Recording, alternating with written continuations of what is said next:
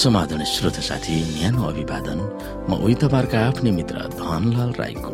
श्रोता आज म तपाईँको बीचमा बाइबल सन्देश लिएर आएको छु।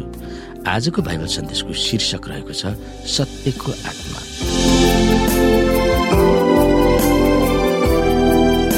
श्रोत साथी प्रभु मलाई असल सजन र भलात्मी बनाउनुहोस् भनेर कहिल्यै प्रार्थना गर्नुभएको छ? तर प्रार्थना गरेपछि असल हुने अनेकौं प्रयास गर्दा गर्दै पनि हामी जस्ताको तस्तै भइरहन्छौँ। प्रभुको परिवर्तन गर्ने महान शक्ति र आत्मा हामीमा काम गरियोस् भनेर हामी प्रार्थना गर्छौँ पुकार गर्छौँ उपवास आदि बसेर चाहना पनि गर्दछौँ।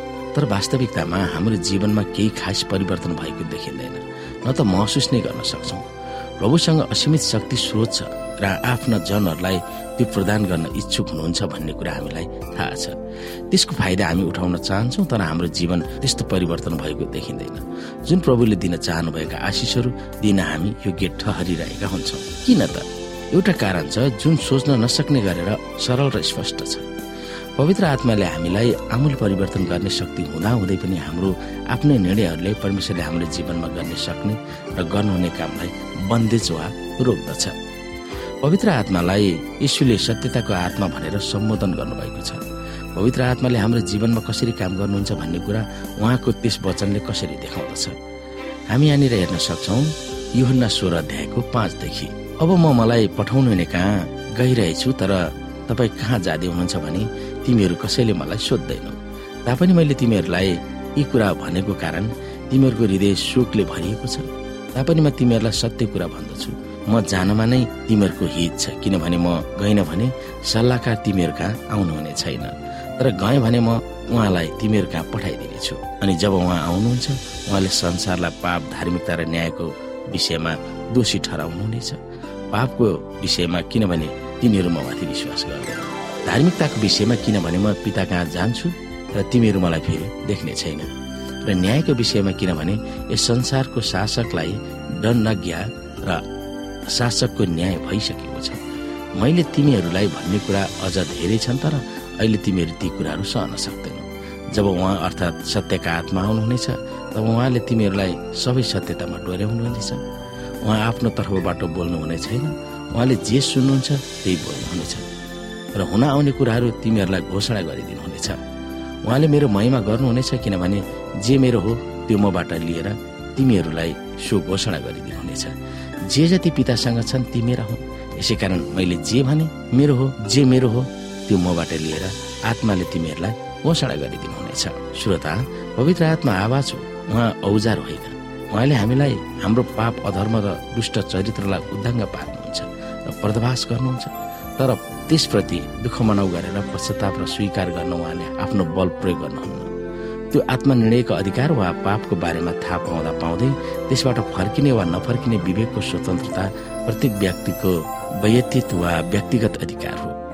पवित्र आत्माले हाम्रो अनुमति बिना हाम्रो जीवनलाई हस्तक्षेप गर्नुहुन्न। न त बदल्न दबाब नै दिनुहुन्छ। प्रभुको बारेमा महान सत्य र आत्मज्ञानहरू पवित्र आत्माले देखाउन सक्नुहुन्छ। तर त्यसलाई विश्वास गर्न र त्यसको पालना गर्न उहाँले जबरजस्त गर्नुहुन्न। यदि अलिकति पनि उहाँले जबरजस्ती हाम्रो इच्छा विपरीत तान्नुभयो भने हामी हाम्रो आत्मनिर्णय विवेकको स्वतन्त्रता चेतनाको स्वतन्त्रतालाई गुमाउने हुन्छौँ। हाम्रा दिमाग र हृदयहरू जीवनलाई प्रभुले घुमाइरहनु भएको छ भन्ने आरोप लगाउन शैतान सफल हुन्छ। प्रभु र शैतानको बीचमा भइरहेको महासङ्ग्राममा उहाँले ठगिरहनु भएको छ भनेर शैतानले दोष लगाउन सजिलो हुन्छ। जब स्वर्गमा महान विवाद र सङ्ग्राम सुरु भयो हाम्रो पिताले आफू असल हुनुहुन्छ शैतान र उसका दूतहरू पश्चाताप गरेर ठिक बाटोमा आउन् भनेर जबरजस्ती आफ्नो नीति लाद्नु भएन। अदनको बगैँचामा त्यो सत्यलाई प्रभुकै इच्छा अनुसार सारा जगतको सामु चित्रण गर्नुभएको थियो। उहाँलाई थाहा थियो कि मानिसको हुलले सबै भत्ताभुङ्ग हुन्छ। बगैँचामा असल र खराब दिने ज्ञानको रुख राखेर त्यो चुन्ने नचुन्ने अधिकार मानिसकै अधिकारमा सुम्पिएको थियो। जब आदम र हवाले आफ्नो सुविवेक प्रयोग गरेर प्रभुका आज्ञा उल्लङ्घन गरे तब उहाँले ल ल त्यतातिर नजाऊ भनेर रोक्नु भएन। त्यस बेला होस् वा अहिले होस् कहिल्यै परिवर्तन नहुने वा आफ्नो मनस्थितिलाई नबदल्ने प्रभुको प्रतिबद्धता कायमै छ। तर पवित्र आत्माले प्रभुको बारेमा पापको बारेमा हाम्रो खराब चरित्रको बारेमा हामीमा भएको घटी कमजोरीहरूको बारेमा औल्याउनुहुन्छ र भन्नुहुन्छ हेर मैले तिमीलाई जे देखाएको छु अब तिमीले के गर्ने? हामी दुःख कष्ट र अग्निबाणको विषम परिस्थितिहरूमा गुज्रनु परे तापनि उहाँलाई चुनेर उहाँको साथमा रहिरहने वा नचुन्ने अधिकार हामीलाई नै सुम्पिएको छ।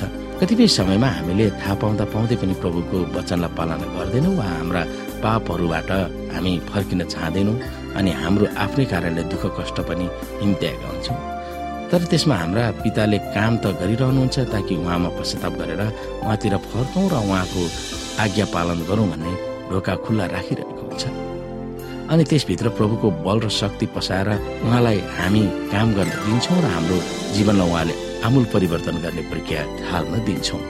तपाईँको दिमागमा सत्यताको आत्माले कहिले काम गर्न दिनुभएको छ? पवित्र आत्माको आवाजलाई तपाईँले फलस्वरूपमा कसरी सुनिरहनु भएको छ? अझ भन्नुपर्दा प्रभुको आवाजलाई मान्न वा नमान्न तपाईँले स्वविवेक आत्मा निर्णय र चेतनाको स्वतन्त्रतालाई छेडछेडमा कसरी प्रयोग गरिरहनु भएको छ त्यो तपाईँ र म सोच्न सक्दछौँ। श्रोता साथी आजको लागि भएको सन्देश यति नै। हस्त नमस्ते जय मसिंह।